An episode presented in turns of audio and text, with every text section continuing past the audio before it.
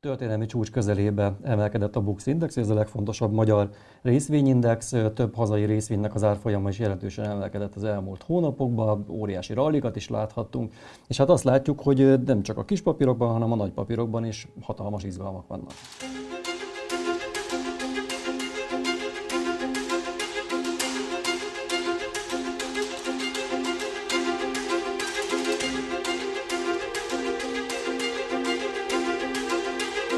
Jó napot, sziasztok! Ez itt a Portfolio szerdánként megjelenő heti podcastje. Én Orosz Márton vagyok, és itt van velem a stúdióban kollégám Nagy Viktor, a Portfolio részvény rovatának vezető elemzője. Szia Viktor!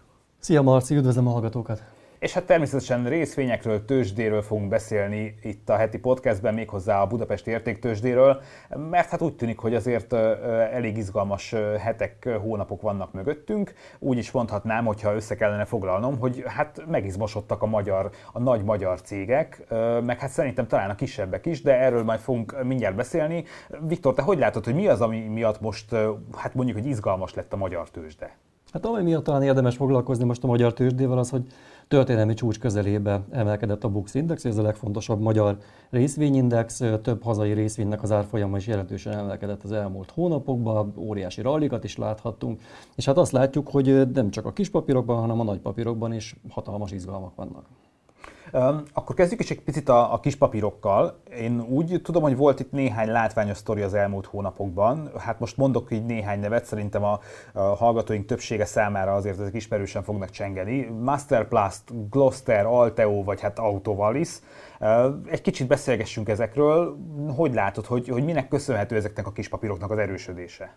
Igen, egyébként tök jó neveket említettél, gyakorlatilag ezekben mind van sztori, és hogyha csak az árfolyam mozgásokat nézzük, azért az mindenkinek a fantáziáját megmozgatja, főleg hát ezekben az időkben, amikor ugye állampapíron gyakorlatilag nem sok pénzt lehet keresni, a hozamok nagyon alacsonyan vannak még mindig, a befektetők is alternatív irányba indulnak el, például a részvénybefektetések felé, és hogyha mondjuk azt mondom, hogy, hogy a Glosternek az árfolyama idén több mint háromszorosára emelkedett, a Masterplasték pedig több mint duplájára, azért az már, azért az már eléggé izgalmasan hangzik. Ugye mik itt a sztorik?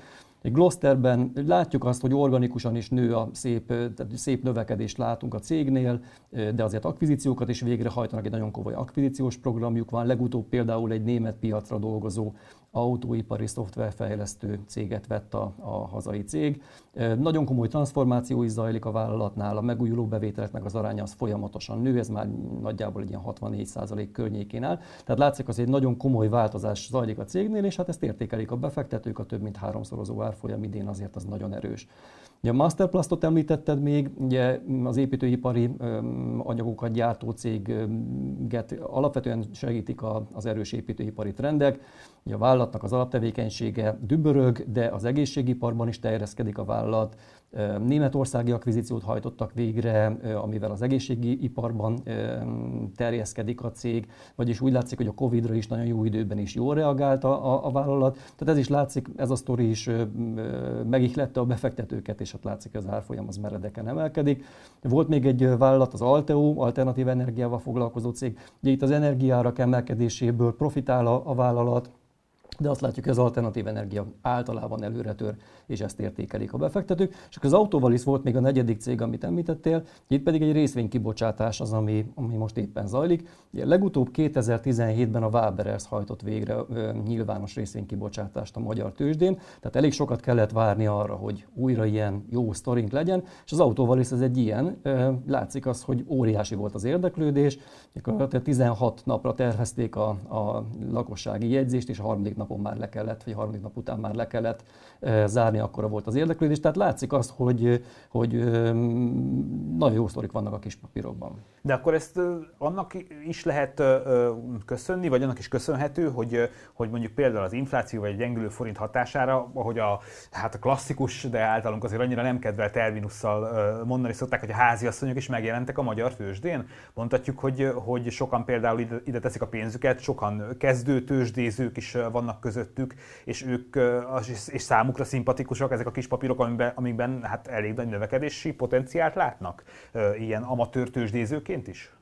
Igen, azt látjuk, azt látjuk egyébként, hogy az, e, emelkedő infláció miatt gyakorlatilag a, a megtakarítások azok folyamatosan veszítenek az értékükből, ezért a befektetők is igyekeznek olyan befektetéseket találni, amivel magas hozamot tudnak elérni, és hát a részvények azok nagyon jól teljesítettek az elmúlt időszakban. Az, amit a magyar tőzsdén látunk, egyébként abszolút a nemzetközi trendekbe illeszthető, az amerikai, a, a, a, akár az ázsiai tőzsdéket is mondhatnám, az európai tőzsdék többségén is.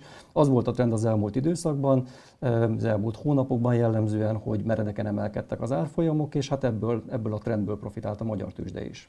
Jó, egy picit itt még álljunk már meg egy fél mondatra, hogyha három tanácsot adhatnál azoknak, akik most kezdenek el tőzsdézni, és eddig egyáltalán nem foglalkoztak ilyesmivel, csak úgy látják, hogy most már aztán tényleg annyira gyenge a forint, és annyira inflálódik el az eddig megtakarításuk. Mi az a három ilyen nagyon egyszerű tanács, ami, amit, amit kezdő tőzsdézőknek ajánlanál? Hát mondjuk, hogy akkor tényleg sok idézőjelben háziasszonyoknak. Hát amit mindenképpen ajánlanék, az a diversifikáció az egyik, tehát ez egy ilyen olyan kulcs szó, ami nagyon sokszor elhangzik tőzsdei beszélgetésekben, és ezt tényleg fontosnak tartom, mert nem érdemes egy eszközben tartani a befektetőnek a pénzét. Én azt gondolom, hogy érdemes több szektorból válogatni, több régióból válogatni, különböző méretű cégeket, különböző profilú cégeket kiválasztani. Tehát, hogyha részvénybefektetésben gondolkodunk, mindenképpen egy nagyobb portfóliót ajánlok hogyha egyedi részvénybefektetésről van szó, akkor mindenképpen. Egyébként pedig érdekesek lehetnek például a tőzsdéjegyzett alapok, LTF-ek, amelyen keresztül akár nagyobb trendeket, nagyobb szektorokat is meg lehet, vagy be lehet fektetni, meg lehet játszani. Tehát ez a diversifikáció az mindenképpen egy fontos szabály. A másik pedig Warren Buffett szokta mondani, hogy ő csak olyan cégeknek a részvényeit vásárolja meg, amiknek a működését ő érti. Tehát szerintem az nagyon fontos, hogy legyünk tisztában azzal, hogy mi befektetünk be. Hogy mi az a cég, mivel foglalkozik, mik a növekedési kilátásai, mit gondol a menedzsment, mit gondol a piac úgy általában ezekről a vállalatokról. Ezzel kapcsolatban egyébként szerintem érdemes olvasgatni a portfóliót, mert sok kapaszkodót adunk a befektetőknek. Én azt gondolom egyébként, hogy a Budapesti értéktőzsdén található cégeknek, hát most, ahogy így a fejemben végigpörgetem őket, én azért a működésük jelentős, rész, jelentős részben értem a működésüket, tehát akkor lehet, hogy én már jó irányba indulni kell, hogyha hogyha a, a bét, béten található cégekbe fektetnék, de hát úgy tűnik, hogy azért ez, ezzel sokan mások is így vannak, hiszen a, a Bux Index az igencsak csúcs közelben mozog mostanában.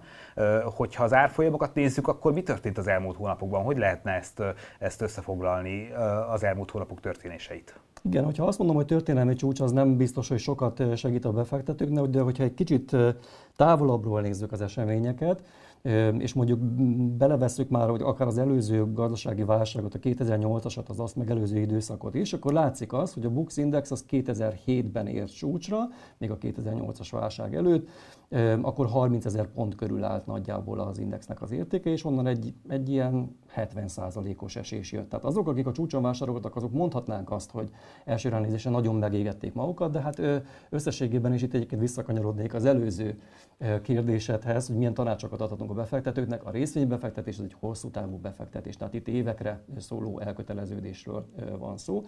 Persze ez nem jelenti azt, hogy ne vizsgálnánk fölül időnként a, a stratégiánkat, de a lényeg az a hosszú táv, és hogyha azt mondjuk, hogy valaki a magyar tőzsdébe 2007-es csúcson vásárolt be, és azóta tartja, akkor a akkor a befektetése már 80%-os hozamot érhetett el. Tehát most az árfolyam, a Bux értéke, az 80%-kal följebb áll, mint a 2007-es csúcson. Annak ellenére, még egyszer az előbb említettem, azért ott volt egy 70%-os esés, és ugye tudjuk, hogy a, a Covid kitörése után is volt egy nagyobb korrekció a piacokon, de ezekkel együtt is 80%-kal följebb áll a Bux értéke, mint akkor. És hogyha megnézzük azt, hogy hogy teljesítettek az egyedi papírok, akkor ugyanezt a trendet látjuk gyakorlatilag egy OTP, egy Richter mind jóval magasabban áll most, mint, mint a 2007-es csúcsokon.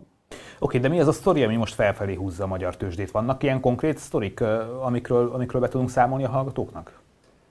Igen, természetesen. Tehát, hogy a Buxnak a sikere vagy a, vagy a jó teljesítménye mögött egyértelműen az áll, hogy a hazai nagypapírok jól húznak. Ugye három meghatározó magyar részvény van, amelyeknek nagy súlya szerepelnek a Bux Indexbe.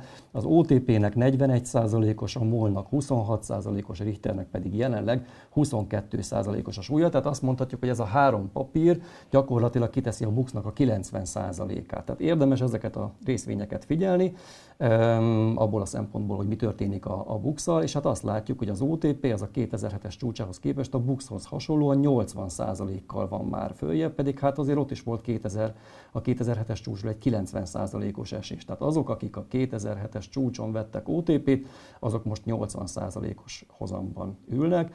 Ugye a MOL az kilóg valamelyest a sorból, hiszen az olajiparban és az olajipari vállalatoknál más trendek érvényesültek, az még mindig 25%-kal alacsonyabban áll, mint a 2007-es csúcson, de a Richternél is ugyanazt látjuk, mint az OTP-nél, 80%-kal van feje, mint a 2007-es csúcs. Tehát ezek azok a részvények, amik összességében húzzák fölfelé a buxot.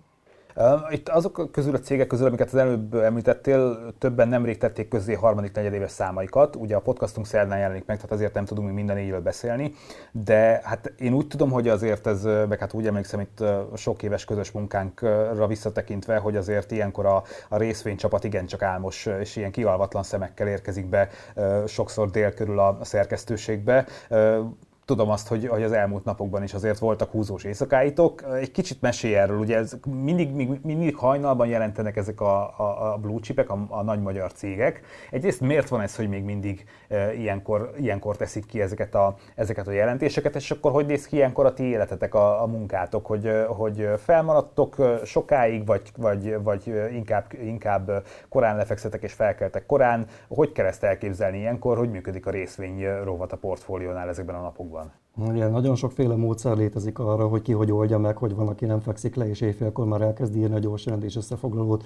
Vannak olyanok is, akik inkább alszanak, és egy kicsit később kelnek föl. Szóval erre sokféle módszer létezik, igazán jó nincsen, gyakorlatilag ez egy ilyen jetlag hatás, utána két-három napig nem érzi jól magát az ember. A bőrében, de nem akarok panaszkodni összességében, azért egy, még mindig egy nagyon izgalmas, izgalmas munka, és ennek a része az, hogy a negyedéves gyors jelentések nagyon furcsa időpontban jelennek meg. Egyébként az OTP, a Richter és a MOL is hajnalban teszi közé a számai, tehát ezeket, hogyha ezekből, hogyha egy alapos összefoglalót szeretnénk írni, az egy néhány, néhány órás munkát jelent, és ilyenkor érdemes már korán a fedélzeten lenni.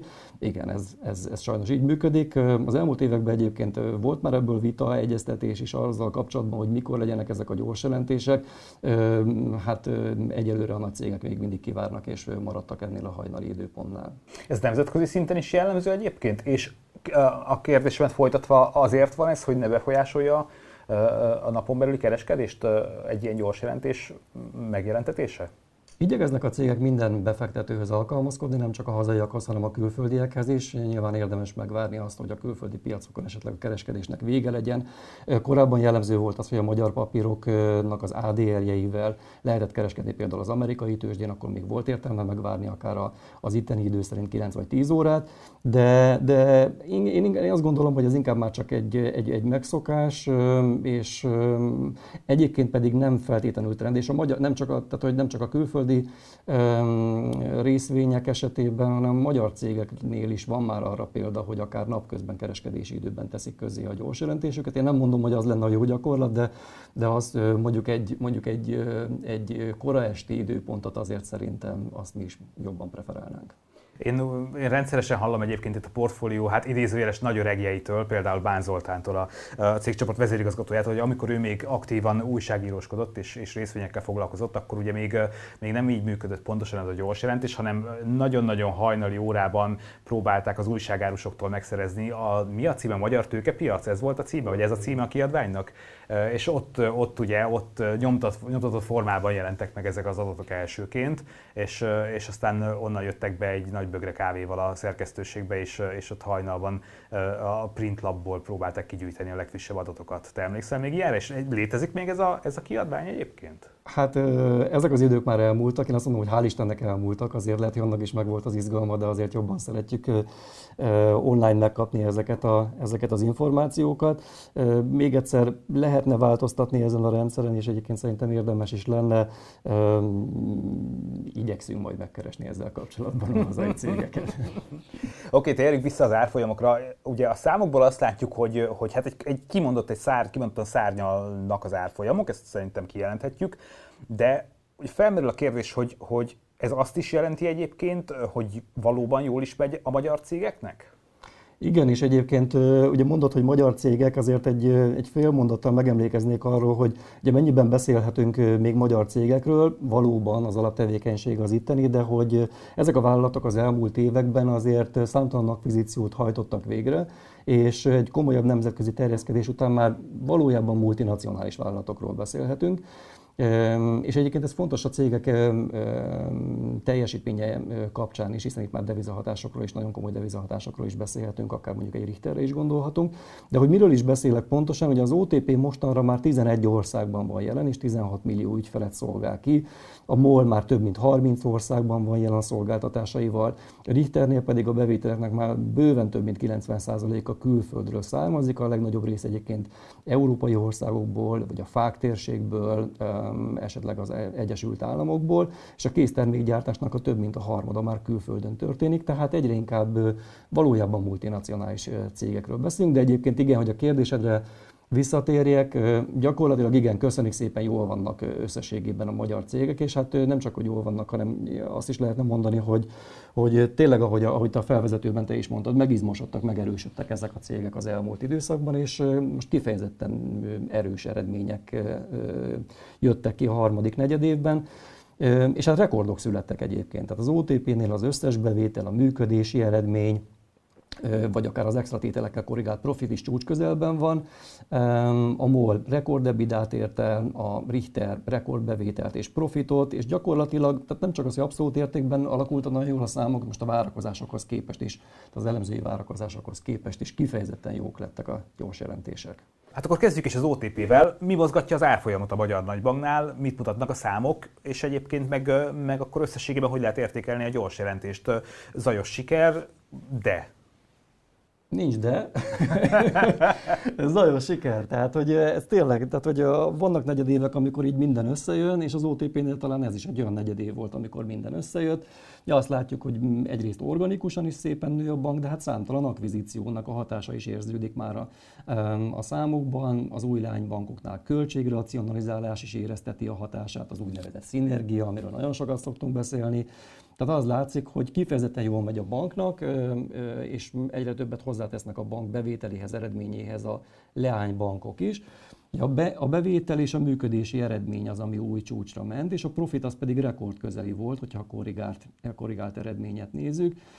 A bankcsoport az tényleg kifejezetten kiemelkedő megtérülés mellett működik, a magyar alaptevékenység az bivaj erős, tényleg gőzmozdonynak is nevezhetnénk, gyakorlatilag, és nem csak a magyar alaptevékenység, hanem a leánybankok is kifejezetten jól húznak, a marzsok azok javultak az elmúlt időszakban, tehát nagyon-nagyon sok pozitívumot lehetne, lehetne elmondani.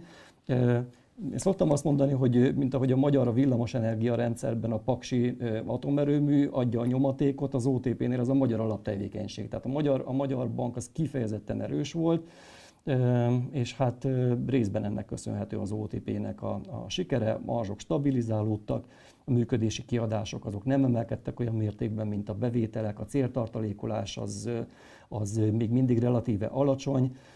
Ugye a 2008-as válság után években hosszú ideig 50-70 milliárd forintos céltartalékolásokat láttunk negyedévente, ez most 25 milliárd forint volt, tehát az látszik, hogy, hogy szinte minden téren nagyon-nagyon jó időszakat él most át a, a bank, és hát ennek köszönhető az, hogy a korrigált profit a 127 milliárd forint lett, tehát egyetlen negyed év alatt ennyit keresett a bank, hogyha az egyszeri tételeket kiszűrjük.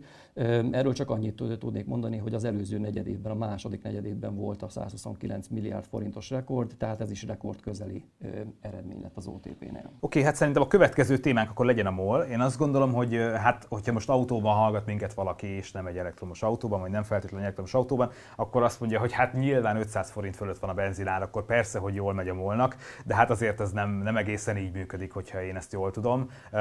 Mi mozgatta a molnál az árfolyamot? Igen, egyébként az energiárak azok magasan vannak, és hát azt látjuk, hogy, hogy ez pedig nem veszi el a fogyasztóknak a kedvét attól, hogy fogyasszanak. Tehát a kereslet az olajipari termékek iránt továbbra is magas. Csak mondok egy példát, a motor üzemanyag kereslet az a mostani harmadik negyedévben már meghaladta a 2019 harmadik negyedévi csúcsot, tehát már magasabb, mint, mint akkor volt így a Covid-válság előtt, és nem csak Magyarországon, hanem Szlovákiában és Horvátországban is.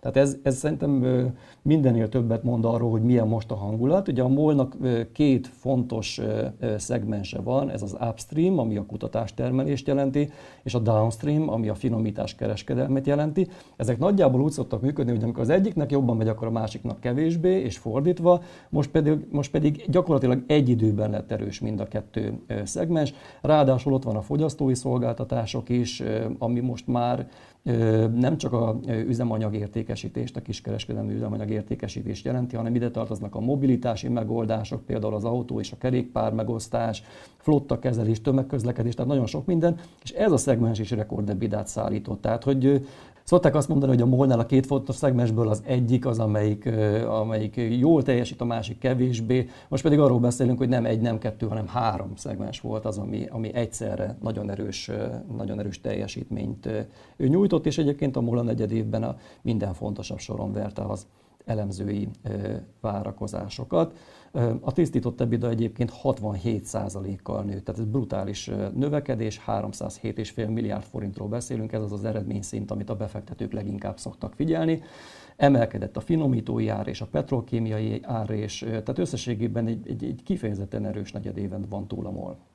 A harmadik blue chip, amiről szeretnénk veled beszélni, az természetesen Richter, és hát én úgy láttam, hogy Fekete Be a kollégánk, aki kezelte a gyors jelentést, hát a minap igencsak, igencsak kialvatlan szemekkel érkezett be a szerkesztőségbe, tehát neki is azért volt dolga bőven ezzel a gyors jelentéssel. Mit láttatok a, a, a magyar gyógyszercég papírjaiban? Így van, ez is egy hajnali korai, korai kelés volt be a részéről. Valóban, ahogy az elmúlt percekben beszéltünk az OTP-ről és a MOL-ról, gyakorlatilag a Richterről is nagyon hasonló dolgokat tudok elmondani. Nem csak a negyedéves bevétel, de az adózott eredmény is rekordot ért el a, Richternél. Ugye a bevétel az 157,5 milliárd forint volt, tehát közel 160 milliárd forintról beszélünk, és 14%-nál 14%-ot meghaladó mértékben nőtt a, a bevétel, tehát brutális a növekedés továbbra is a Richternél.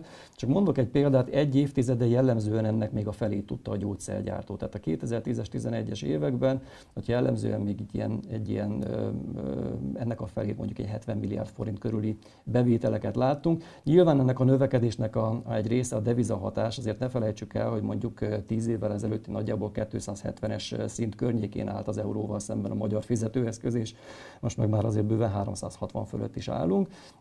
Tehát, hogy a devizahatás is sokat segített a, Richternek, és ahogy, a, és ahogy egyébként a beszélgetés elején említettem, azért a, itt a bevételeknek a, a 90%-a, több mint 90%-a az már külföldről származik, tehát ez kifejezetten fontos.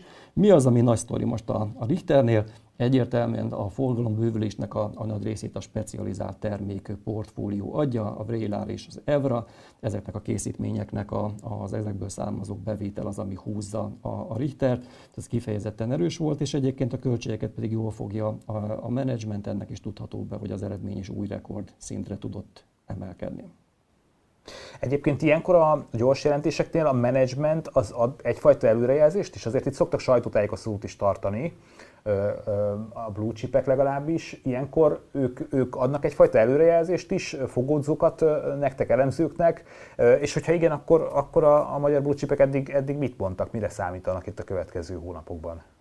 Igen, igen, ez pontosan így működik. A legtöbb negyedéves gyors jelentés után, főleg békeidőben, tehát egyébként az jellemző, hogy amikor, amikor súlyos válsággal küzd a gazdaság és a cégek is, akkor a business managementek is elbizonytalanodnak, akkor az előrejelzések már nem annyira pontosak, és ilyenkor ők is visszafogottabbak, és több esetben nem is adnak előrejelzéseket. Most azért békeidőről beszélhetünk, és hát az látszik, hogy, hogy felbátorodtak a menedzsmentek, és kifejezetten, kifejezetten optimisták lettek, hogy ez nem is csoda egyébként az első kilenc hónap száma számait tekintve.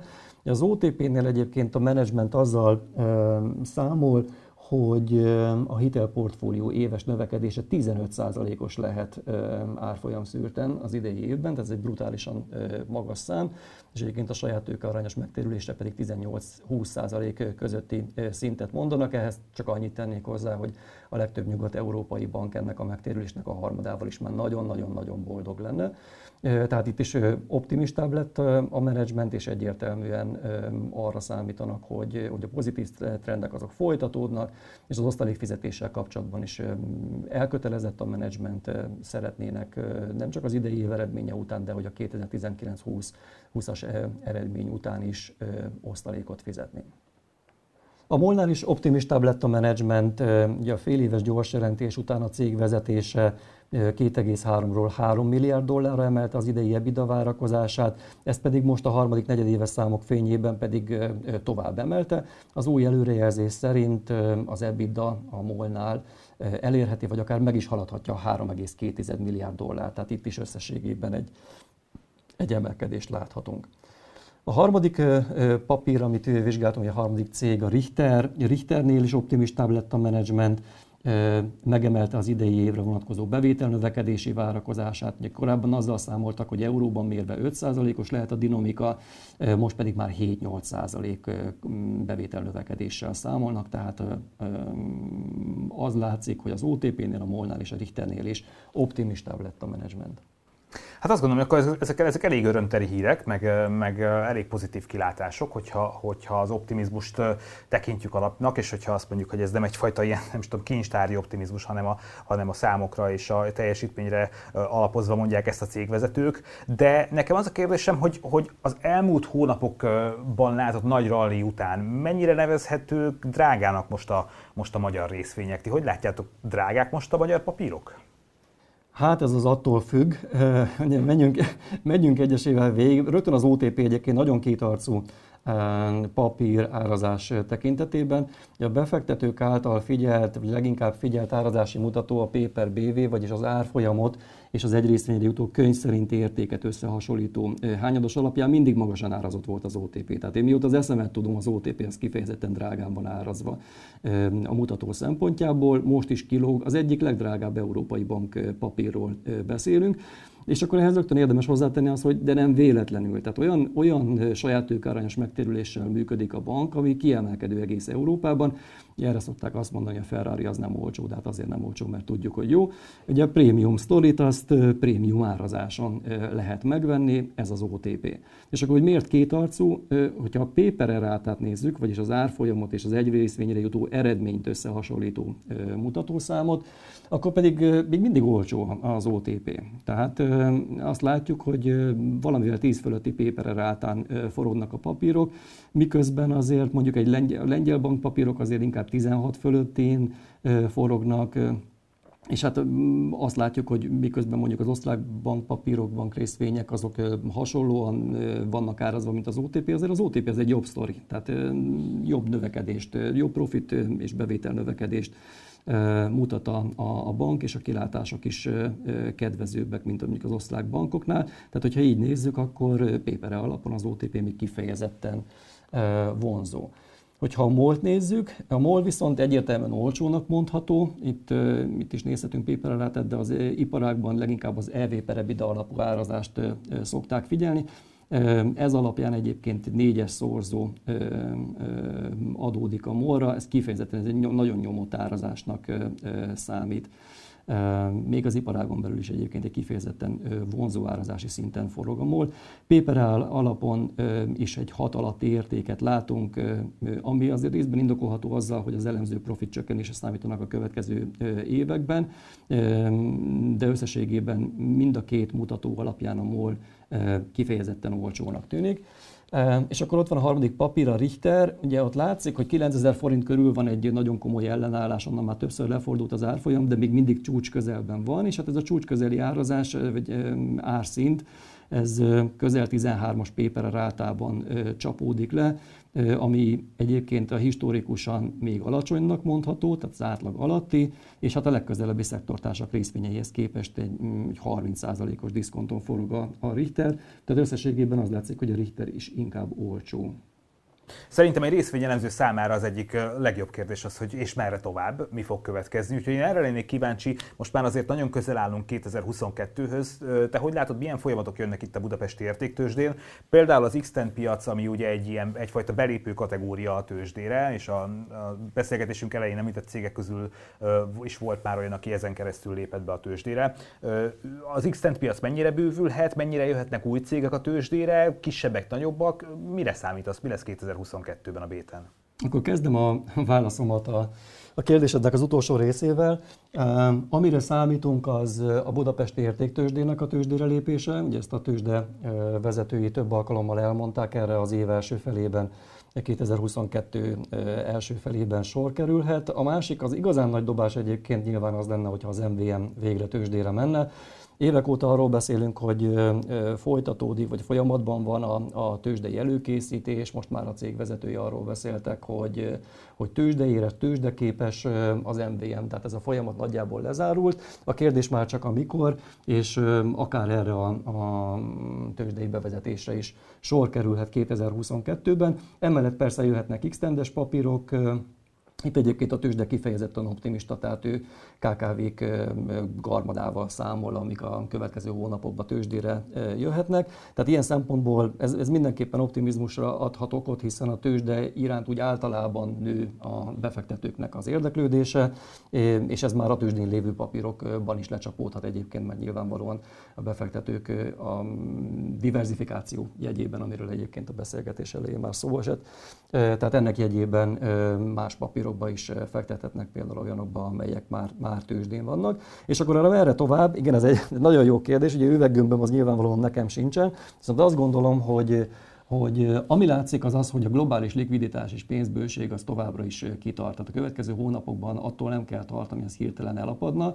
Nyilvánvalóan korrekciókra sor kerülhet a tőzsdék. Én azt gondolom, hogy olyan környezetben, amiben most vagyunk, hogy a kamatok, a jegybanki kamatemelések ellenére is még mindig alacsonyan állnak historikus összevetésben állampapír hozamok azok nagyon alacsonyan vannak, tehát a kockázatmentesen megkereshető pénz az, az, az gyakorlatilag minimális.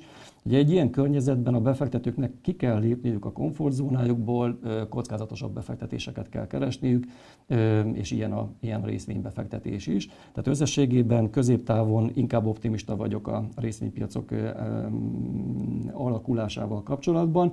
Az egy más kérdés, hogy történelmi csúcs közelében nem szeretnek a befektetők vásárolni, vagy hát óvatosabban vásárolnak. És azért én is, én is inkább azt tanácsolom, hogy korrekcióban vegyük azokat a részvényeket is, amiről az előzőekben szó esett. Hát akkor érdekes hónapok előtt állunk, meg érdekes év következik itt, itt 2022-ben. Meglátjuk, és szerintem sokat fogunk beszélni konkrétan erről a, a tőzsdének a saját tőzsdére lépéséről. Mindenképpen beszéljünk majd még, de hát erről az olvasóink is olvashatnak természetesen a portfólió hasábjain. Nagy Viktornak, a portfólió részvény rovatának vezető elemzőjének köszönöm szépen a beszélgetést, és kövessetek be minket Spotify-on, Soundcloud-on és Apple Music-on is, és mielőtt még kikapcsolnátok, egy rövid programajánló következik, társoldalunk a Pénzcentrum saját podcasttal jelentkezik, úgyhogy hallgassátok meg ennek az ajánlóját is. Köszönjük a figyelmet, sziasztok, viszont hallásra! Én Forrás Dávid vagyok, és a szintén a Portfólió csoporthoz tartozó Pénzcentrum új podcast sorozatát, az első yardot szeretném a figyelmetbe ajánlani. Mindig is érdekelt, hogy mi hajtja azokat a magyarokat, akik maradandót alkottak az üzleti életben. Hogy nőttek fel, mi alakította a személyiségüket, milyen sztoriaik vannak. Adásonként egy szereplő életútját mutatjuk be, a gyerekkorától a tanulmányain át az üzleti karrierjeig, körülbelül 60 percben. A sorozat első vendége Gerő Viktor befektető, a Vatera korábbi ügyvezetője volt. Viktor nem csak a gyerekkoráról beszélt az adásban, hanem a 2008-as Vatera felvásárlásról is, ami az időszak egyik legnagyobb online üzlete volt a régióban. Műsorunkban egy szürreális történetet is bemutatunk arról, hogy a rendőrség hogyan fogadta el egy kettős gyilkost, gyakorlatilag a Vaterán. Az első Yard első része már elérhető a Spotify-on, és hamarosan fent lesz az Apple Podcast-en, a Google Podcast-en és minden más podcast platformon.